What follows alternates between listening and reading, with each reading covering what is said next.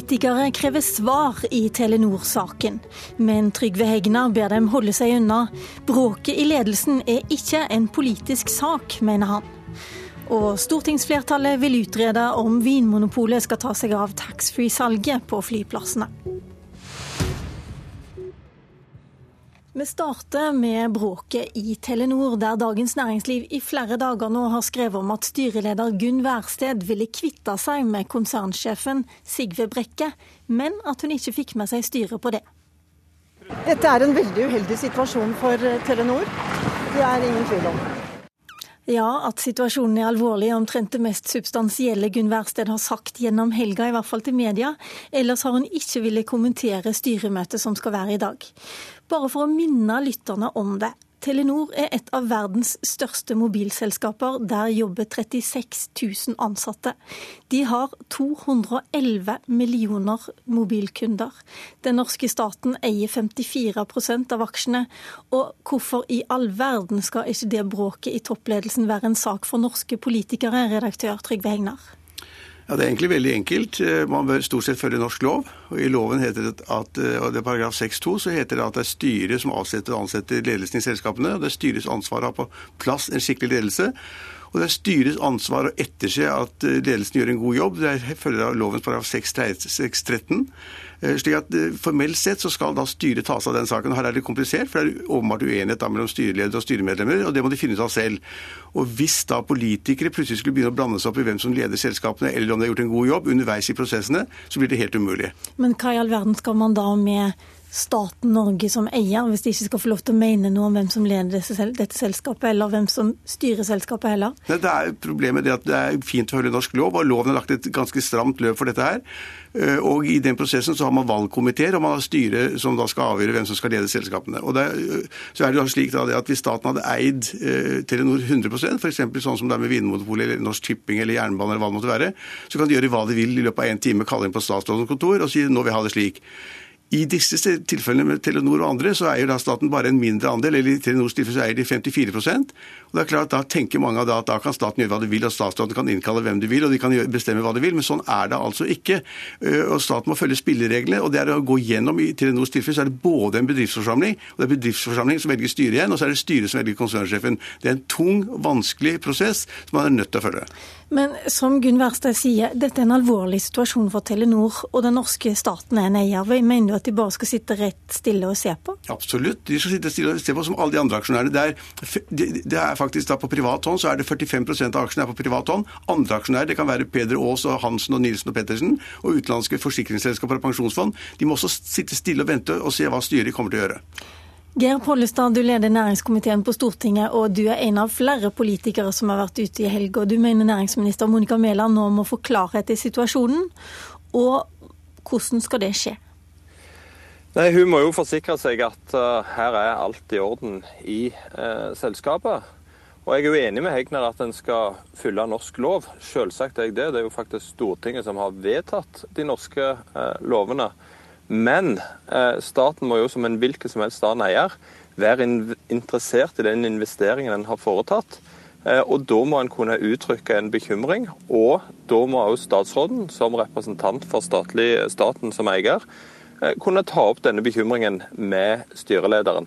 Men de formelle reglene gjelder jo selvsagt. Det vi tar til orde for, er jo bare at staten som en hvilken som helst annen eier skal være interessert i en betydelig eierpost, og at den ikke blir ramma av situasjonen i selskapet. Mange vil jo huske at Trond Giske som næringsminister var i konflikt med Harald Norvik. Da gikk Harald Norvik. Da eh, næringsministeren ikke var fornøyd med jobben til Svein Aasar i forbindelse med VimpelCom-saken i Telenor, da gikk Svein Aasar på dagen, eh, Hegnar. Hvorfor kan Det samme kan vel skje i dag i forhold til Gunn Wærsted? Ja, det kan faktisk skje. Det kan tenkes at Wærsted finner ut at dette gidder jeg ikke mer. At jeg er blitt spurt om å være styreleder i et vanskelig og stort selskap, viktig for Norge. Eh, men dette tullet med at da politikere og andre blander seg inn i prosessen om hvem som skal være konsernsjef, det gidder jeg ikke mer, og så trekker hun seg. Da må da lages en ny prosess da hvor da bedriftsforsamlingen velger et nytt styremedlem. Og velger en ny styreleder. og Det kan skje. Det som er viktig er jo at I forbindelse med Åsers tilfelle så var det ikke slik at, at statsråden bestemte at han måtte gå av. Han trakk seg, for han fikk åpenbart et, vil tippe, et signal, sånn rolig, fint signal om at statsråden i Norge, vi er største aksjonær, vi har ikke tillit til deg som styreleder, så vi tipper at, mener at du kanskje bør trekke deg. Og så gjorde han det. Men han kunne sagt nei, jeg blir gjerne, og da måtte man i gang med en lang prosess via bedriftsforsamling og styre igjen. Vi har jo hørt ganske mye om at eh, Sigve Brekke har eh, altså Fortida hans som Asia-sjef skal være grunnen til at styrelederen ikke har tillit til han. Og De siste dagene har vi sett mer i avisene egentlig om hvordan Gunn Wærsted har opptrådt som styreleder enn hva han angivelig har gjort eller ikke gjort i Asia. Hvordan skal denne saken løses, tror du, Pollestad? Nei, Det er det faktisk opp til eh, styret å eh, ordne opp i. Eh, og så er det statsråden som må se til at det skjer. For Der er vi inne på et viktig poeng i denne diskusjonen. Vi skal ikke bestemme for Stortinget hvem som skal være konsernsjef. Det mener ikke jeg heller. Men vi skal ha grunn til å uttrykke en uro når vi ser at eh, det er eh, en situasjon i Telenor som er sånn som den er nå. Eh, og det er ingen tvil om at når det lekker f.eks. så mye som det gjør fra Telenor nå, så kan det være et tegn på at det er hull i båten. Da er det behov fra en eierperspektiv for å ivareta statens investeringer at statsråden som statens representant bekymrer seg, tar dette opp med styrelederen. Men hvordan det skal løses, det får bli opp til styret å bestemme. Og så får det være opp til statsråden å se om hun har tillit til den måten styret håndterer dette på. Hvordan ser du for deg at denne saken skal løses, Hegna? For jeg går ut ifra at du også er enig i at det er en alvorlig situasjon?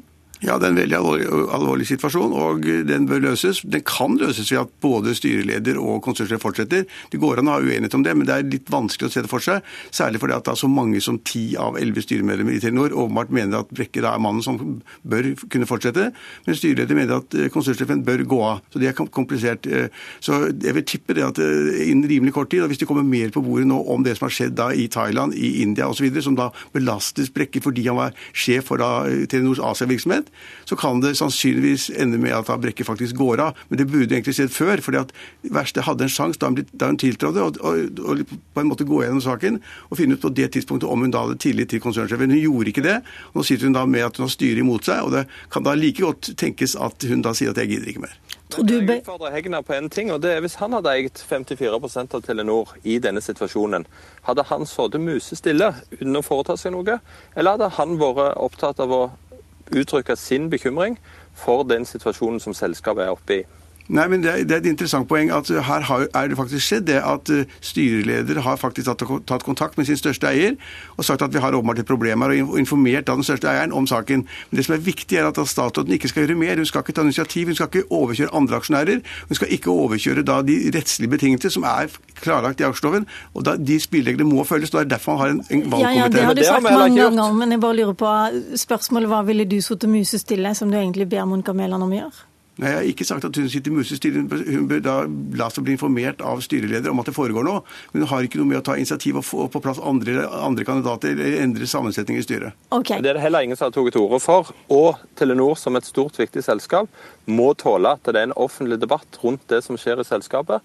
Og der mener jeg at stortingspolitikere òg bør delta. Men jeg, har bare en kort, kort, jeg må stoppe der, faktisk. Poeng, nei, poenget er at Poenget er at det, det som stadig kommer opp, er om politikere A eller B har tillit til konsernsjefen. Det har de ikke noe med. Det har vi ikke. Det er dere i hvert fall enige om. Det er styremøtet i dag og i morgen. La oss håpe at vi alle blir informert etter hvert.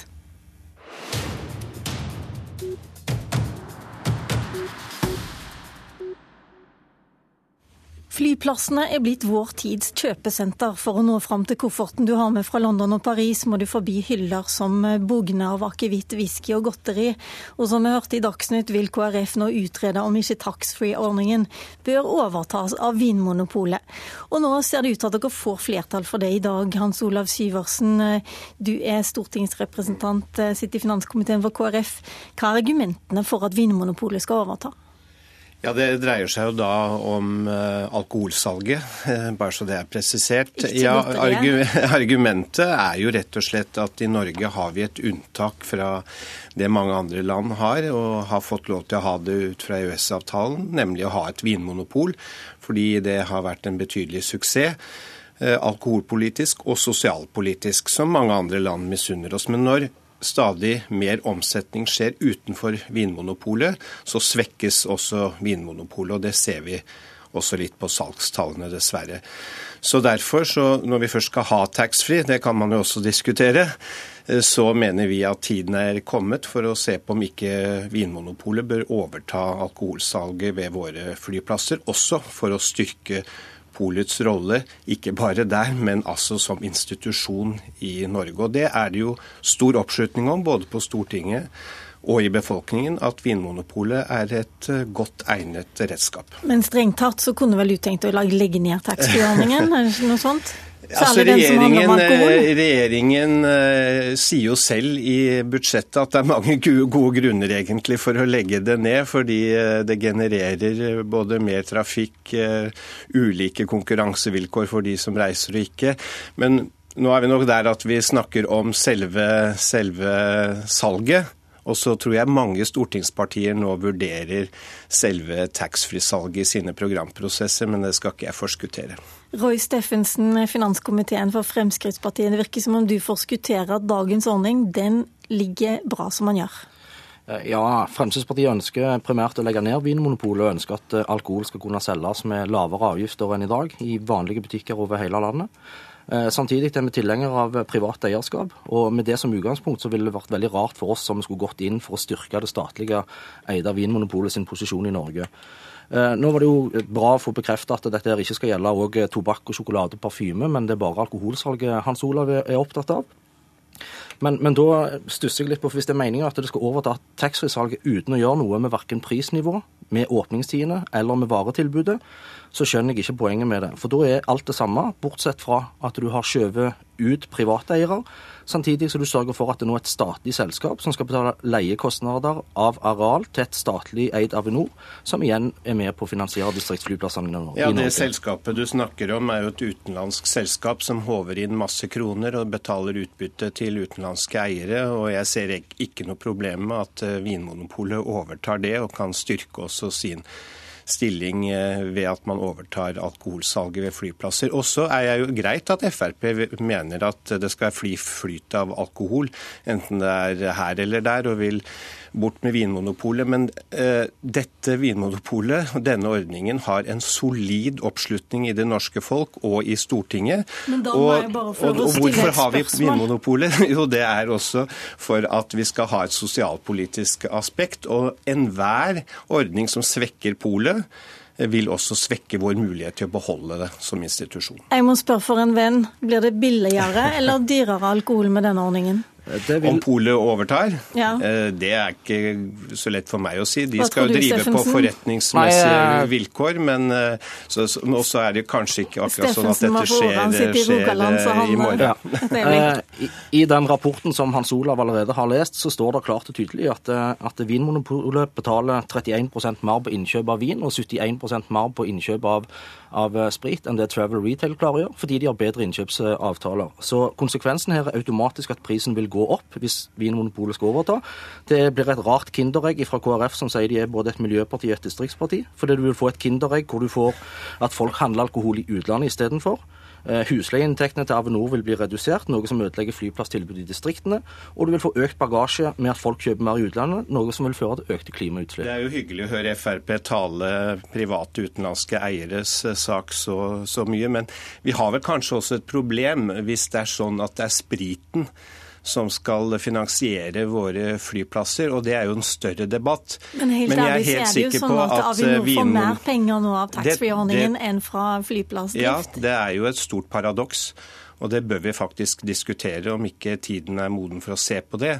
Og da må vi finne andre gode finansieringsordninger. Eh, men jeg har ikke noe tro på at eh, Vinmonopolet skal drive noe dyrere enn det det utenlandske selskapet gjør. De driver forretningsmessig godt, eh, og det ser alle som, som jo observerer polet. Men eh, jeg vet jo at Frp er for at eh, polet skal bort, og vinsalg og brennevinsalg skal i butikker osv. Så, videre, så at vi er uenige om dette her, er kanskje ikke så veldig overraskende. Nei, det er i hvert fall ikke veldig overraskende at noen vil ha bort alkoholsalget, og noen vil heller beholde det. Takk skal dere ha, Roy Steffensen og Hans Olav Syversen. Vår tid i dette politiske kvarteret ute. Eh, programleder i dag, det var Lilla Sølhusvik.